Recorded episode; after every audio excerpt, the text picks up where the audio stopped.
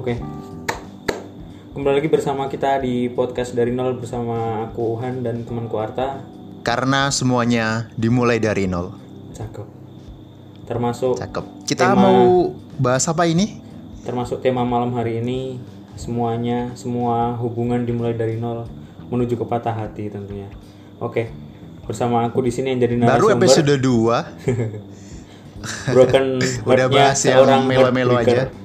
Oke. Jadi buaya tuh memang ya makhluk Tuhan ya, bisa punya perasaan yang biasa ngebuayain tapi sekarang dia malah kena karmanya ya. Bisa disebut karma gak sih? Atau cuman Ah, kalau Kutukan karma aja. enggak ya? Karena aku nggak ngebuayain orang di sini. oke, siap. Aku tuh masih heran ya, kenapa eh, konotasi buaya itu sangat negatif, padahal banyak arti positif dari buaya sih? Buaya itu bukannya artinya setia ya? Atau bukan ya? Kayak pernah pernah baca deh aku buaya itu sebenarnya bukan. Kayak literasinya salah deh. Oh Kayak iya. ada yang pernah bilang buaya itu artinya setia. Apa? Ah, artinya apa? Buaya? Binatang berdarah dingin. Ya, anjir. reptilia bertubuh besar dan berkulit keras. Jangan gitu dong. Sifat yang pertama. sifat buaya. Definisi yang kedua, penjahat. Orang jahat akan berbuat jahat kalau ada kesempatan. Tuh. Padahal di habitat Mungkin aslinya kalau di sini eh, ada ada kosakata selanjutnya. Buaya Apa? darat, penjahat, pencuri, pencopet, sebagainya. penggemar perempuan. Nah mungkin itu tuh definisi terakhir tuh buaya darat penggemar perempuan. Tapi lebih ke bukan penggemar ya, tapi mungkin apa ya? Orang yang mensyukuri akan ciptaan Tuhan gitu. Salah satunya adalah perempuan. Gitu. Tapi Mungkin di gitu ini ya. di artikel yang ku cari ada yang bilang buaya itu tergolong hewan yang setia. Jadi ketika eh, sang betinanya mati, buaya jantan tak akan mencari betina lain. Gitu. Berarti kalau buaya yang jantannya dibuat kulit ya, apa kulitnya dimanfaatkan buat tas kulit, sepatu kulit gitu berarti? Itu nggak pernah nikah lagi tuh atau kawin lagi dong yang buaya betinanya? Eh, bisa jadi kali ya. Tapi kenapa bisa jadi lelaki buaya? Berarti lelaki buaya itu kan lelaki yang setia kan? Ya kan buaya yang di laut sama yang di darat beda. Eh di, di air sama yang di darat. Oh, oh iya. Oh berarti kalau ngatain aku kalau misal dikatain buaya, panggil aku buaya rawa gitu kan. Buaya sungai jangan bilang buaya darat gitu karena aku setia. Buaya sungai siap-siap. Oke, berarti reptil buaya ya maksudnya ya. Iya, reptil di situ. Tapi buaya tuh hewan yang bermanfaat loh. Kan. Tadi salah satunya untuk kulit ya. Kulitnya diambil buat sepatu, buat tas gitu-gitu. Tapi selain itu kan eh, buaya juga setauku hewan yang menjaga ini ekosistem ya. Kalau yang di sungai atau di rawa yang aslinya, jadi kan dia termasuk bagian dari ekosistem sungai atau ekosistem rawa. Tapi balik lagi ke buayanya itu sendiri nggak sih? Buaya itu ada dua jenis buaya. Buaya yang bermanfaat dan juga buaya yang memanfaatkan. Wah. Oke, balik ke topik tadi seorang yang biasanya bikin patah hati, tapi sekarang malah patah hati. Oke. Jadi ada apa ini? Seorang kan yang biasanya selalu bikin orang patah hati, tapi malah sekarang lagi patah hati. Mungkin bisa diceritakan secara tersirat gitu. Sebenarnya kalau dibilang sekarang lagi patah hati mungkin udah enggak ya karena aku ngomong aja enggak dengan yang nada yang sedih gitu kan. Tapi mungkin ini pengalaman beberapa hari yang lalu kali ya. Eh, Hmm, gimana? tuh? jadi ketika aku punya seorang di hidupku tiap hari tiap hari kami selalu ketemu gitu kan. Tapi ada Hmm. di suatu titik aku pengen udah sama orang itu. Nah, Oh, karena entah udah karena habis kontraknya atau gimana nih? nggak tahu entah karena apa pikiranku kayak rasanya ah udah aja lah. Karena aku mikirnya semua pertengkaran kayak pasti mengerucutnya ke situ gitu loh. Jadi kayak apa yang dikatain Judika gitu. Eh, kita itu setiap bertengkar itu bukannya bukannya memperbaiki hubungan tapi malah menunda perpisahan yang ku rasain saat itu gitu. Jadi gimana ya? Oke. uh, ketika mungkin orang itu juga ngelihat akunya aku ninggalin dia kok nggak sedih-sedih gitu kan. Tapi sebenarnya buat nanti orang bagi orang itu yang nanti dengerin nah, dengerin podcast ini sebenarnya aku sedih juga tapi nggak aku liatin ke orang-orang. Jadi uh, banyak orang yang ngeliat aku ini orangnya Gimana sorry, sorry? Kamu sedih tapi nggak diliatin ke orang-orang. Iya. Ini kan lu lagi bikin podcast pak. ya ya maksudnya tidak enggak langsung eh, ini kan ini kan sesi sendiri ke kali ya. orang-orang. sesi sendiri Oke. tapi ketika Hmm. aku lagi sama teman-teman ya nggak bakal aku sedih itu karena apa ya nggak bisa aja aku pokoknya aku cuman bisa sedih kalau aku lagi sendirian udah gitu sekalipun Oke. aku nonton film ya nonton film yang bener sedih banget kalau misal di bioskop rame gitu. Nggak bisa aku nangis. Tapi kalau nonton sendiri udahlah. Bisa aku mewek sesenggukan habis tisu satu kilo bisa kayaknya aku. Jadi aku kadang aku heran juga sama aku sendiri. Aku nggak bisa sedih ketika bareng-bareng orang gitu. Nggak bisa sedih yang secara momentum gitu ya. Mungkin tapi kalau mungkin beberapa momen yang memang seharusnya aku sedih gitu kayak misal kehilangan seseorang ya aku bakal sedih walaupun aku bareng-bareng sih. Tapi untuk hal ini untuk hal patah hati aku nggak bisa sedih ketika aku lagi bareng sama orang banyak itu intinya aneh sih aku juga kadang oke, oke, ngerasa apakah aku ini aneh ya Enggak sih, itu malah normal nggak sih? Eh, ketika kamu sendirian, kamu akan merasa kesepian dan di situ kesempatan untuk bisa meluapkan kekesalan ya. Nah, pas kamu patah hati kan kamu lagi kesel tuh. Nah, mungkin di situ momentumnya gitu. Tapi malah bagus nggak sih? Kamu bisa istilahnya punya jadwal untuk sedih gitu. Karena kadang ada orang yang tidak bisa mengontrol emosinya. Sedih kan emosi ya? Bagian dari ekspresi sebuah emosi. dan aku kalau lagi sedih itu aku tetap harus disuplai apa ya supaya aku beneran bisa ngerasain sedih supaya aku bisa bercermin itu aku harus disuplai sama lagu yang sedih jadi ketika sedih sepi nggak ada apa pun yang bisa memancing hati itu nggak bisa aku jadi harus Oke. dengerin lagu juga gitu Lagu-lagu yang biasa nemenin waktu Han sedih itu apa sih? cari aja di Lagu-lagu playlistku deh Pamungkas. cari di playlistku aku punya playlist Oh, di iya. Spotify Eh, Siap. cari aja nama aku M Subhan Ali R di situ ada playlist namanya terjaga kenapa aku namain terjaga karena Oke, aku kita- aku kita selalu ya. terjaga aku selalu terjaga di malam hari dan itu setiap aku terjaga itu aku pasti lagi sedih gitu nggak bisa aku terjaga itu Oh, dengan ini, rasa ini, rasa bahagia itu nggak bisa Kita kita bacain ya guys. Eh, para warga, saya sudah membuka podcastnya. Eh sorry podcast lagi Spotify-nya Ukan. Ada beberapa playlist memang. Ada beberapa lagu di playlistnya.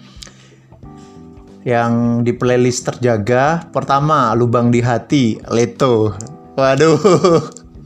Kedua sandaran hati, ketiga permintaan hati, keempat sebelum saya. Tapi lagu-lagu Leto emang bagus sih. No debat sih fix. Itu lagunya ada aura sofistiknya. Iya, tapi ini menyimpang Setuju. ya Mas ya, menyimpang Sofistik. dari menyimpang dari topik ini dulu ya.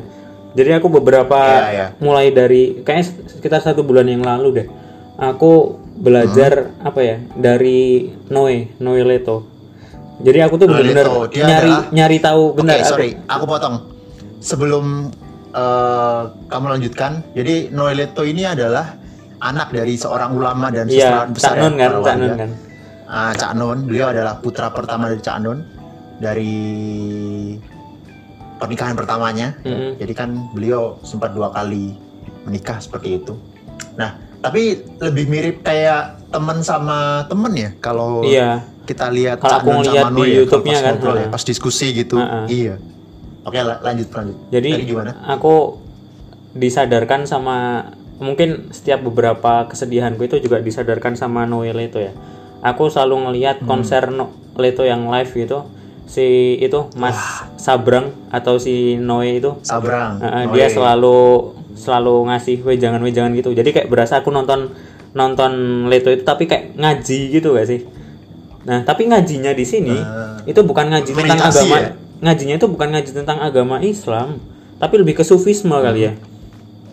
Kayak lebih hubungan kita dengan Tuhan. Jadi di satu sisi aku nyari apa ya?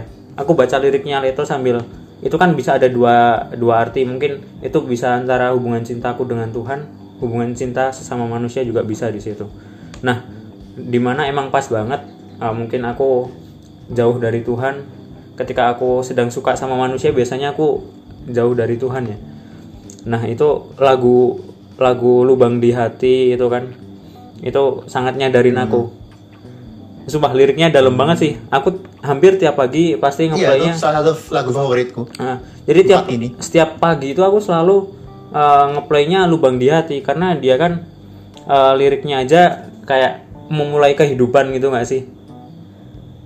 Terus, makanya intinya di situ aku menemukan lubang lubang di hati. Nah, di situ tuh apa sih sebenarnya yang aku cari gitu. Ketika nah mungkin ketika ini kalau kita hubungin ke topik malam ini, aku udah punya seseorang gitu. Apalagi sih yang bakal aku cari gitu kayak aku udah menemukan dia mau nyari yang lebih sempurna gitu kayaknya juga nggak ada habisnya karena di sini aku juga sadar juga satu hal yang aku sadari itu aku deng- eh, dengerin sesuatu di TikTok sih Ustadz siapa yang lagi tren yang barusan kemarin nikah beliau bilang Oh, kayak gini Ustadz Syam. Nah, beliau kemarin bilang kayak gini. Kalau suka itu dari mata turun ke hati. Tapi kalau cinta itu balik dari hati naik ke mata gitu. Jadi ketika eh, pertama kali kamu lihat orang suka emang dari mata ke hati, tapi kalau kamu udah cinta, dari hati kamu udah cinta, ngelihat seseorang yang kamu cintai itu, matamu itu akan melihat dia sebagai suatu keindahan kayak gitu. Gila gak sih? Dalam, dalam, Dalam sih itu, dalam banget sih. gitu jadi Keren, buat keren. kalian yang dengerin ini mungkin nanti coba bisa dikulik lah lagu-lagu dari Leto itu maknanya bagus-bagus semua sufisme dan aku nggak menyadari ada itu beberapa lagu yang yang mungkin nggak masuk playlist kamu sih kan.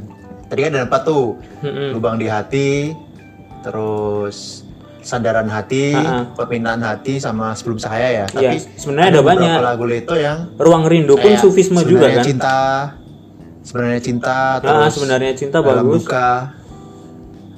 Nah, itu bagus. Ruang rindu apalagi yang jadi soundtrack sinetron kalau nggak salah ya. sinetron Waktu kita SD itu ada sinetron di RCTI RCTI. kan Aku lupa namanya.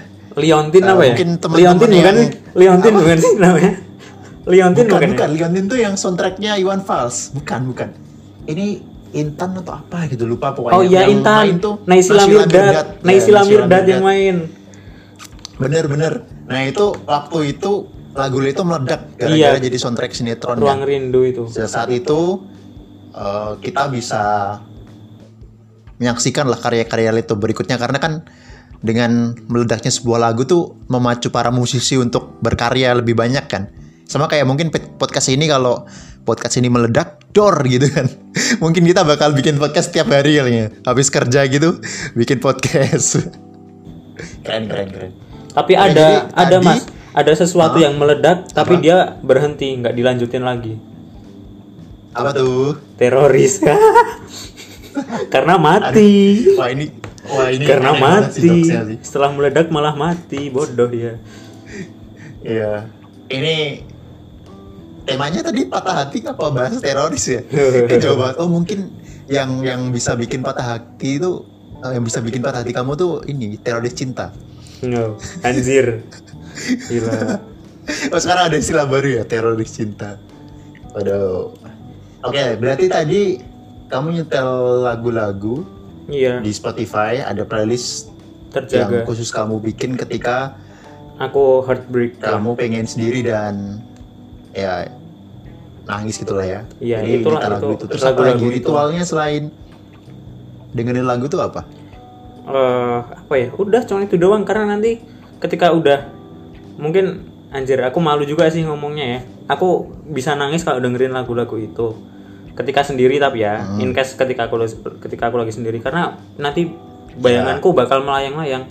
Nanti kalau udah nangis mata itu bakal capek dan udah tidur dan ketika tidur ya perasaan hatiku yang malamnya aku sakit hati kayak ngerasa kehilangan gitu setelah bangun tidur aku selalu lega aku selalu kayak ngerasa nggak ngerasain apa-apa entah kenapa ya kayak ngerasa restart gitu aja sih cuma nanti malamnya jadi kamu tertidur lagi dalam keadaan air mata membasahi pipi. enggak udah kering udah nggak bisa keluar lagi gitu udah kering. ya? Siap siap siap. itu sih kadang kalau kangen kangen rumah juga kadang gitu sih ngambil momentum sedih itu Kangen rumah tuh maksudnya kangen orang-orang rumah ya. iya Sama Jadi, suasana ah, keluarganya jadi, ya. apa ya aku selalu mengambil momentum sedih itu untuk bercermin diri salah satunya tapi ya sama aja nanti aku Ini kan- ngulangin ngulangin Ini kan lagi udah mau masuk brengsekku.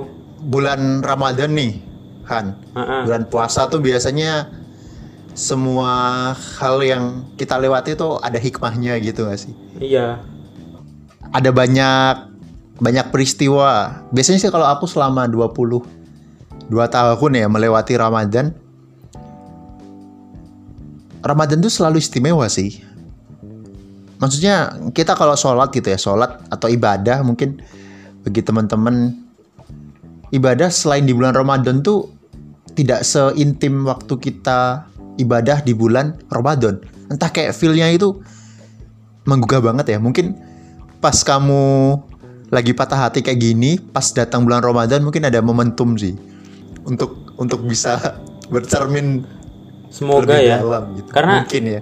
so- karena kalau menurutku sih orang yang bisa ngerasain nikmatnya Ramadan itu ya emang orang yang orang-orang yang memang diberi kenikmatan sama Allah ya khususnya ya kayak apa ya nggak Hmm. semua orang bisa ngerasain nikmatnya Ramadan loh mas menurutku jadi mungkin kalau Mas Arta nih bisa ngerasa eh, ibadahnya kayak nikmat banget ketika Ramadan itu itu kayaknya mungkin diberkahi nikmat eh, dari Allah juga nggak sih? Karena nggak semua menurutku ya. Aku pernah aku tahun lalu kayaknya. Tahun lalu aku nggak ngerasain nikmatnya puasa. Kayak B aja gitu aja loh. Karena yang pertama pandemi mungkin. pandemi kan. Ah sumpah dah. Udah itu aku udah nggak tahu lagi mau ngapa-ngapa. Dan eh, mungkin karena aku nggak ada siapa-siapa ya di rumahku di sini kan dua temanku non Islam juga. Cuman aku bersyukur juga mereka sering ngajak aku keluar tiap mau berbuka gitu loh. Cakep, toleransi banget ya. iya cakep. enak banget temanku. Cuman ya tetap Keren, ada ngerasanya ngerasanya tetap hampa aja gitu. Dan ketika lebaran pun nggak pulang gitu kan kayak nggak ada spesialnya tahun 2020 itu buat aku Tapi malah kalau aku ya Ramadan ya, Ramadan tahun lalu tuh Ramadan paling sunyi tapi paling paling kena sih di dalam masa pandemi nggak bisa pulang bahkan Idul Fitrinya kan kita mengikuti anjuran pemerintah ya. Kita kan selalu patuh kan warga yang patuh terhadap eh, perintah dari pemerintah gitu. Jadi kalau pemerintah bilang nggak pulang ya kita nggak pulang. Nah pas kita nggak pulang tuh itu momentum paling paling ini sih paling berkesan banget sih. Selama 21 tahun ya sebelum Ramadan tahun kemarin tuh kalau Lebaran walaupun Ramadannya di di luar gitu ya nggak di rumah tapi Lebarannya pasti pulang gitu dan suasana opor ketupat terus suasana amplop yang isinya paling 2000 atau 3000 dulu kan gitu. 5000 gitu. Tapi itu ngena banget sih pas Ramadan tahun lalu. Kita bisa aku sendiri tuh bisa ngerasa deket banget sama sang pencipta gitu.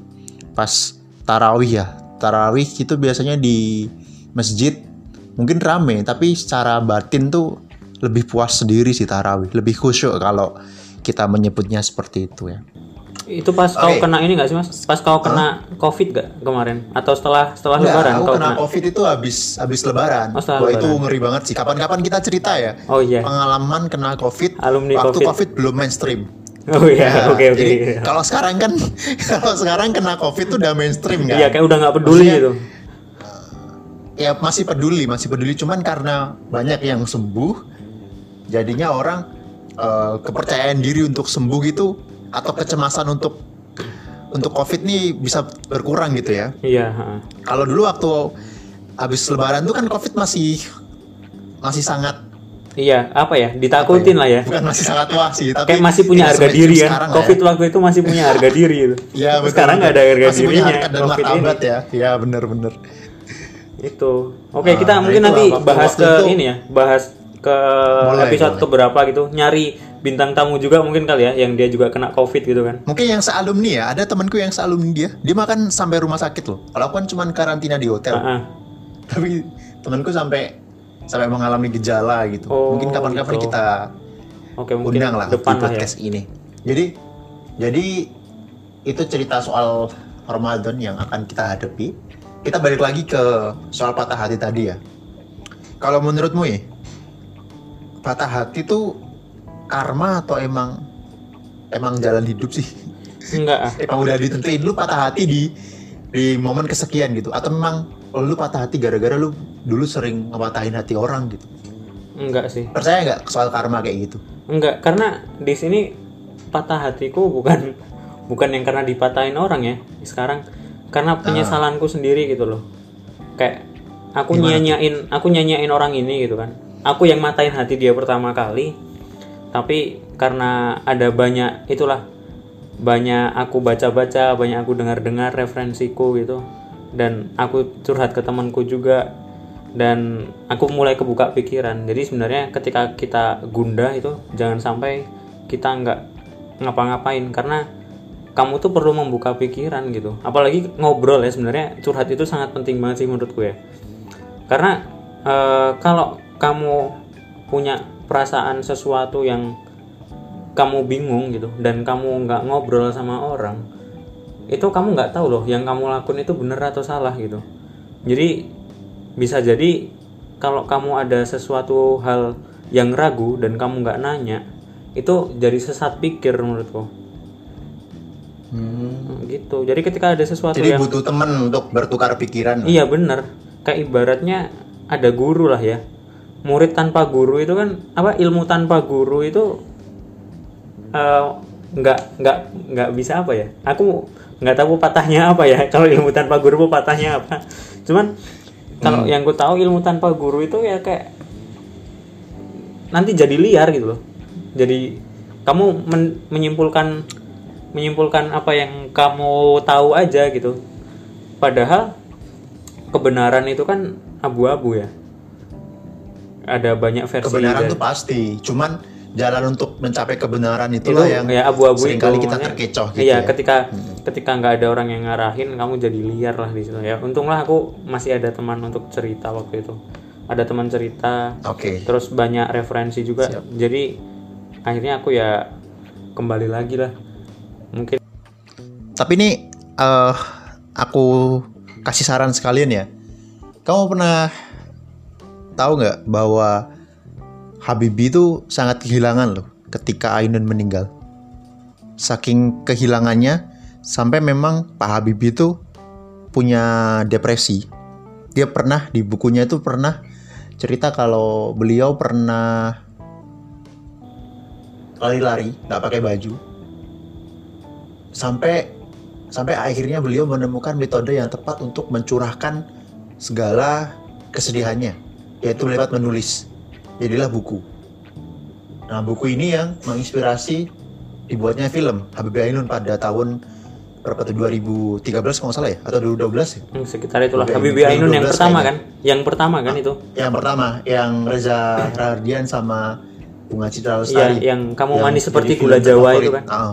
yang gula Jawanya Ah, udah iya. jadi gula pasir. Itu kan betul itu kan salah satu film yang meledak ya pada tahun itu ya. Bahkan Iya. sampai tahun ini kayaknya masih masih termasuk film yang laris gitu Iya, termasuk soundtracknya juga perfilman ya. Indonesia. Soundtracknya. Nah itu terinspirasi dari buku yang ditulis Pak Habibie langsung karena beliau mengalami kesedihan yang sangat dalam sehingga perlu metode untuk mencurahkan. Nah salah satunya yang disarankan oleh dokter adalah dengan menulis. Nah mungkin setelah patah hati yang sekarang ini ada inspirasi untuk menulis gitu. Karena selain Pak Habibie juga banyak sih beberapa karya yang dimunculkan setelah mengalami patah hati. Seperti itu. Mungkin memang harus ada patah hati dulu biar kamu berkarya mungkin ya. Kalau lagunya Firsa Besari itu patah hati menjelma menjadi royalty, royalty. Yang suka ah, maju gak sih? Itu lagu suka maju kan? Yoi, suka maju. Popira Anji Popira Anji Sama sama, Firsa Firsa Besari. Yoi. Bung Firsa ini. Sama ini sih sebenarnya influencer yang terkenal dengan patah hati itu Wiranagara Wah itu keren banget sih. Beliau bisa bisa mengekspresikan patah hatinya menjadi sebuah karya. Yang kan dia ditinggal nikah kalau nggak salah ya sama kayaknya tuh tiga orang tuh punya kasus yang sama deh. Firsa Besari Zavin sama Wiranegara. Itu semua kayak pernah patah hati deh sehingga jadi momentum untuk turning point untuk berbuat dan berkarya seperti itu. Ya itu sih emang pengalaman terbaik tuh emang patah hati yang bisa kita rasain sendiri gitu. Karena kadang aku ngerasa Terus? Ka- kadang aku ngerasa tuh kayak eh, kan sering sering juga ya aku ngerasa kayak gini ya. Maksudnya berantem gitu. Terus kayak udah mau pisahan terus nanti tiba-tiba sebelum eh, pasca pisahan yang kayak belum benar-benar pisah itu ngerasa kehilangan akhirnya aku balik lagi gitu. Tapi kemarin tuh kayak bener-bener aku pengen udah eh terus aku kayak ada rasa menyesal gitu ya. Cuman sekarang pun ngerasanya aku belum belum pengen balik lagi walaupun aku menyesal ya. Aku belum pengen balik lagi karena aku takut aku nyakitin orang itu lagi gitu loh. Dan di sini aku mikirnya kalau orang itu bisa bahagia tanpa aku dan orang itu ngerasa kesiksa sama aku kenapa harus aku paksa untuk sama aku terus gitu? Ya apa ya? Sebisa mungkin aku nggak ngegantungin bahagianya dia gitu pengennya. Nah makanya sampai sekarang pun belum ada belum ada statement resmi aku balik lagi ke dia nggak. Cuman aku minta maaf. Aku menyesali perbuatanku kemarin. Udah gitu aja sih.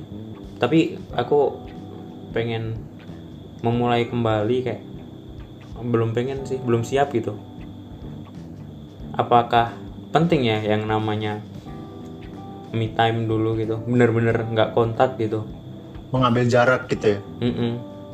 jadi kayak supaya Tapi aku kayaknya supaya aku benar-benar bisa sorry, ngerasain yang namanya kehilangan gitu loh karena setiap Hmm. apa ya orang itu kan biasanya kita ngerasain sesuatu berharga itu ketika dia sudah nggak ada atau sudah bukan milik kita lagi gitu. Tapi ketika aku pengen kayak gitu kalau dianya hilang itu gimana? Berarti emang aku yang egois banget ya? Hmm.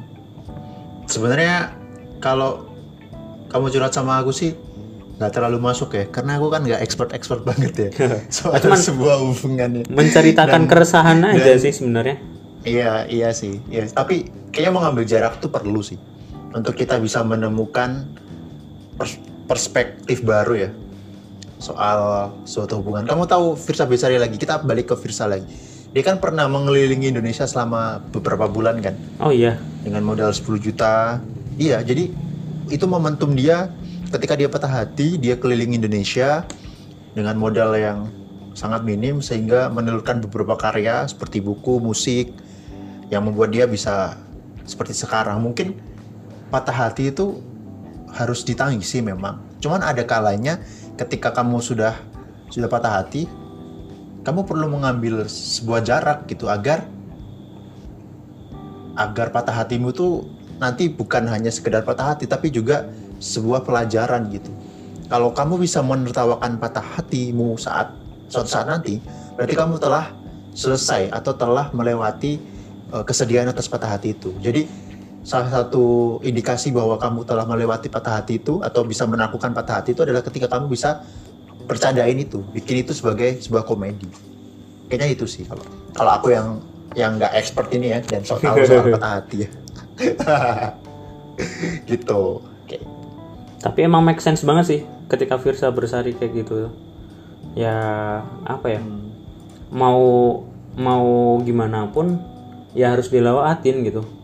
Sama halnya kayak eh, besok ujian tanggal 5 aku harus ngapain? Ya aku harus nyiapin. Mau nggak mau ujiannya tetap tanggal 5 gitu. Hmm.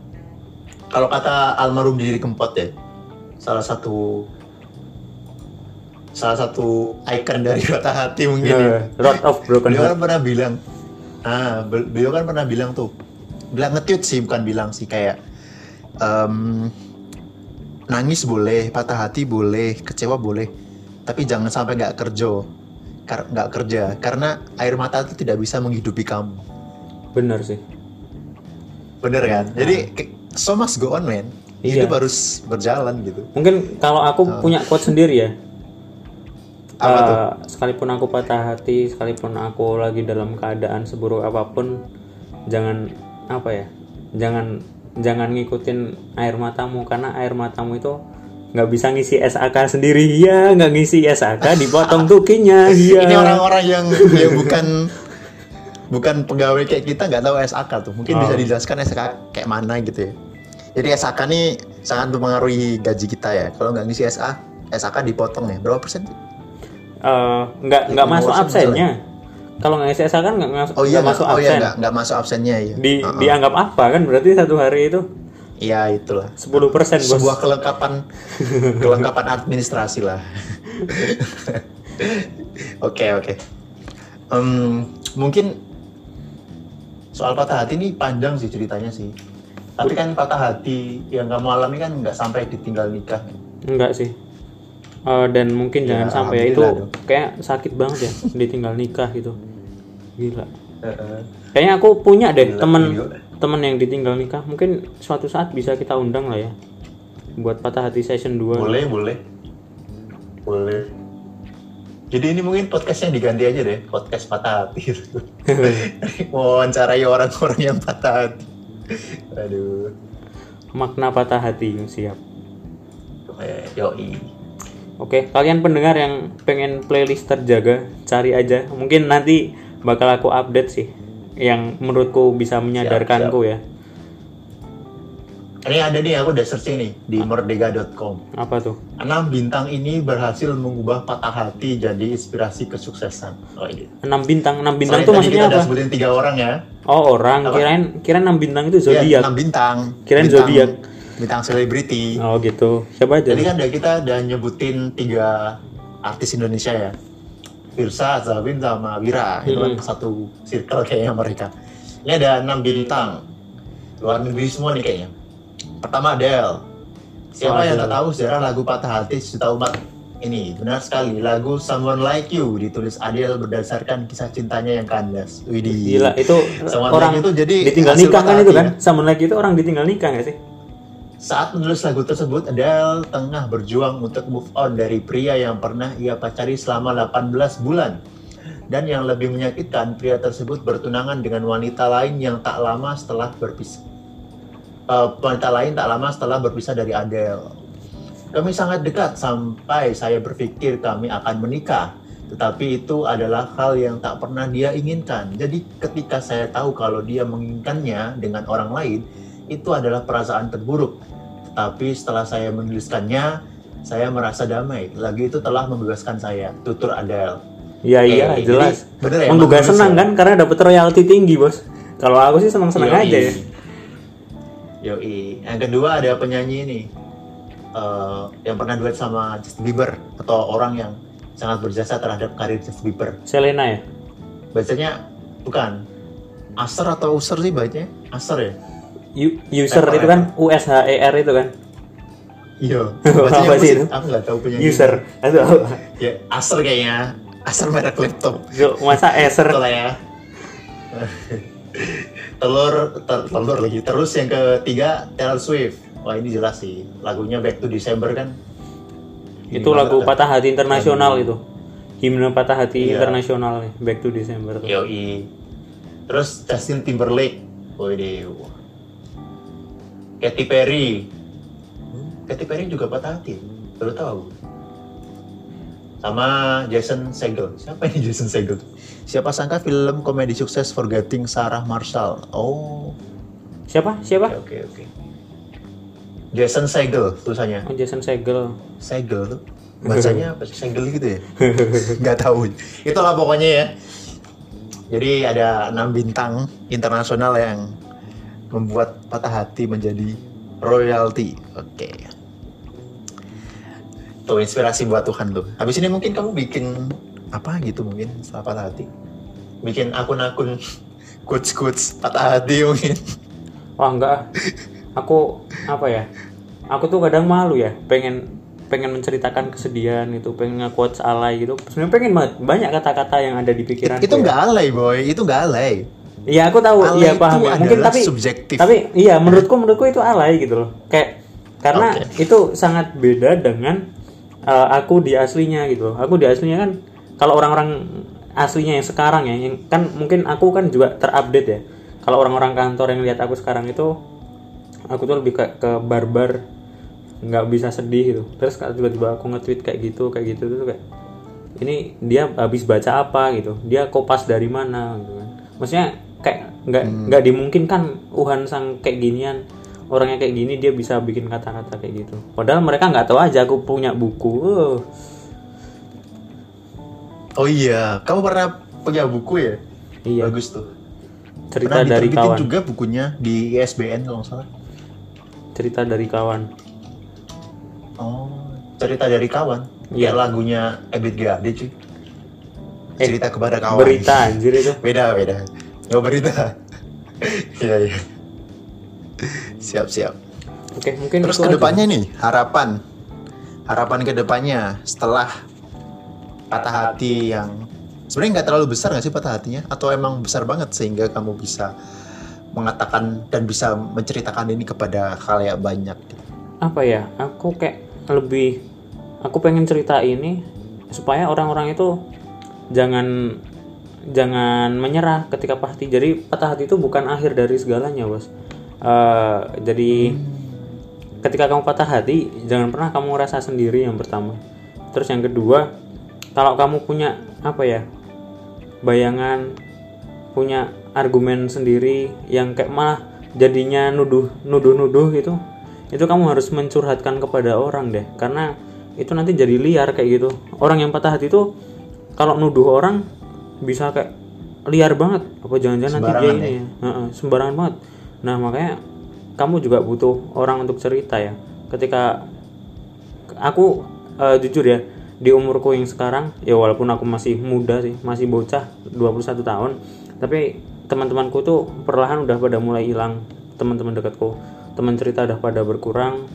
Jadi bahkan aku mau ngechat lagi aja kayak malu itu kan kayak nggak pernah nggak pernah chattingan sekali chattingan aku mau cerita sedih gitu. Itu kalau aku bodoh amat ya. Jadi ya emang ketika daripada aku nggak bisa cerita ke siapa pun udahlah aku cerita aja. Sekalipun dia bilang ah deket lagi ketika lagi butuh doang nggak bodoh amat. Yang penting aku aku selamat dulu gitu. Kalau aku sih ya brengsek sih aku emang. Mungkin itu yang Karena emang jujur bro, eh, anda ini termasuk, kamu ini termasuk orang yang kalau dari observasi orang awam ya, itu punya banyak mantan ya. anjir Mungkin nanti ada. ya karena anda ada anda sudah khusus. follow anda follow instagram saya sejak lama Oh, oh, saya kan follow kehidupan anda sejak SD pak. Sudah kenal kehidupan anda sejak SD. Makanya eh, mungkin ke depannya ini akan jadi momentum untuk kamu menemukan sosok yang pas sehingga kamu bisa bisa menjaga dia dan nggak sampai saling melukai lah, seperti itu. itu sih aku pengen segera pengen di tahap itu kadang kadang Amin. apa ya kadang teman-temanku udah pada nikah itu aku juga pengen tapi aku sadar umurku masih segini aku belum punya apa-apa gitu Menikah pada usia 22 tahun. Ah itu nanti bahasanya Yang panjang itu Aurel. bahasanya panjang lagi tuh mas Ya, kalau aku lagi searching di Google tadi. Aurel menikah pada usia 22 tahun. wih gila tapi udah berkelimang harta nggak khawatir lah Iyalah. Siapa lagi di Indonesia yang aku kalau bisa menyatukan Pak Prabowo dan Pak Jokowi di meja yang sama? ada ada ini sih tadi ada tweet ada tweet brengsek sih eh ini mungkin aku sebagai gimana aparat tuh? jangan ditiru cuman aku ini bacain tweet doang ya bukan opini ku ya jadi negara hadir saat bencana alam silang negara hadir saat kelaparan silang negara hadir saat nikahan Ata centang Enggak. Sebenarnya sebenarnya eh itu kayaknya tapi tapi kan aja sih. enggak soalnya Tweet. karena diupload di setnek juga jadi kayak berasa itu kegiatan kedinasan nggak sih. Karena diupload di setnek itu sih Tapi sebenarnya kan tapi sebenarnya kan Pak Jokowi ke situ juga mungkin ada tujuan yang yang orang orang nggak tahu ya. Iya Mungkin dan bisa mungkin ketika tahu kan? iya ketika ketika ada undangan lain kenapa dia beliau nggak datang ada urusan penting dan siapa tahu yang tadi emang lagi free ya boleh-boleh aja dong gitu kan ketika aku lagi free Boleh, boleh. boleh-boleh aja Pak dong Jokowi juga juga manusia yang ingin bersosialisasi. ya, dia juga manusia kayak kita gitu kan orang masih pada umumnya. iya masih diundang kondangan Tapi kan kalau nggak salah ibunya Aurel Krisdayanti kan anggota dewan juga kan. Anang Anang Hermansyah juga. anangnya Politisi juga. Anang sama Krisdayanti juga kayaknya. Krisdayanti kagak Krisdayanti ngurusin anak Krisdayanti iya boy. Krisdayanti coba nanti searching DPR. Tahun kemarin kepilih kok. Nih, aku lihat dari websitenya dpr.go.id. Krisdayanti, lahir Kota Batu, 24 Maret 1975. oh iya ada beneran Tuh, iya. Hmm. keren udah 40 Ini menit nih mas Nomor anggota 212, daerah pemilihan Jawa Timur 5. Kepilih kok. mas udah 42 Jadi jadi gini aja, kalau nikahanmu nggak dihadiri oleh presiden, mungkin nikahan anakmu akan dihadiri oleh presiden. Jadi kamu harus jadi anggota DPR dulu. Berarti biar biar anakmu waktu nikah dihadiri sama presiden. gitu sih. Keren keren. Salut sih aku sama Atta sih. Aku cukup orang yang cukup orang lagi. Orang yang cukup mengikuti perjalanan karir Atta. Jadi kan dulu waktu awal-awal Ken Halilintar keluar kan ditulis dulu ya sama ibunya ya. Jadi ibunya menulis sebuah buku tentang Gen Halilintar. Kalau nggak salah My Family My Team bu- judul bukunya. Semenjak itu terus seluruh anggota Gen Halilintar membuat akun YouTube dan menguasai sosial media sampai sekarang. Salah satu yang paling dominan kan Atta tuh di situ. Sebagai sosok yang sukses di usia muda tuh ada beberapa value atau nilai yang bisa kita ambil sih dari Atta. salah satunya Kayak bisa nikah muda Heh, gitu Betul sekali, karena dia sudah mencapai financial freedom Iyalah. sedini mungkin. bergelimang harta mau apa lagi kalau aku merit lah Yoi. Udah lah mas Yoi. mungkin apalagi meritnya sama Aurel Hermansyah. uh, Waduh. mungkin itu aja lah ya ini udah 45 menit kita kalau nggak di stop dua jam pun bisa ini Oke, oke, oke. Sip, sip. Jadi eh, berdasarkan cerita yang tadi, moral value-nya apa nih? Eh, moral value-nya eh, ketika kamu ngerasa sendiri jangan pernah ngerasa sendiri ah pasti goblok ya pokoknya jangan apa ya ketika kamu sendiri itu usahain jangan jangan pernah merasa sendiri lah kamu ada kamu harus punya orang bercerita termasuk salah satunya kamu bisa bercerita ke Tuhanmu Oke, oke. gitu Ininya lampiaskanlah patah hatimu dengan hal-hal yang positif. iya jangan sampai kamu bunuh diri gitu oke terima Oke, kasih oke. Jadi itu saja dari kita berdua sebagai episode kedua. Mohon maaf kalau ada salah-salah kata ya. oke goodbye dadah Dari semuanya. nol podcast. karena semuanya berawal dari nol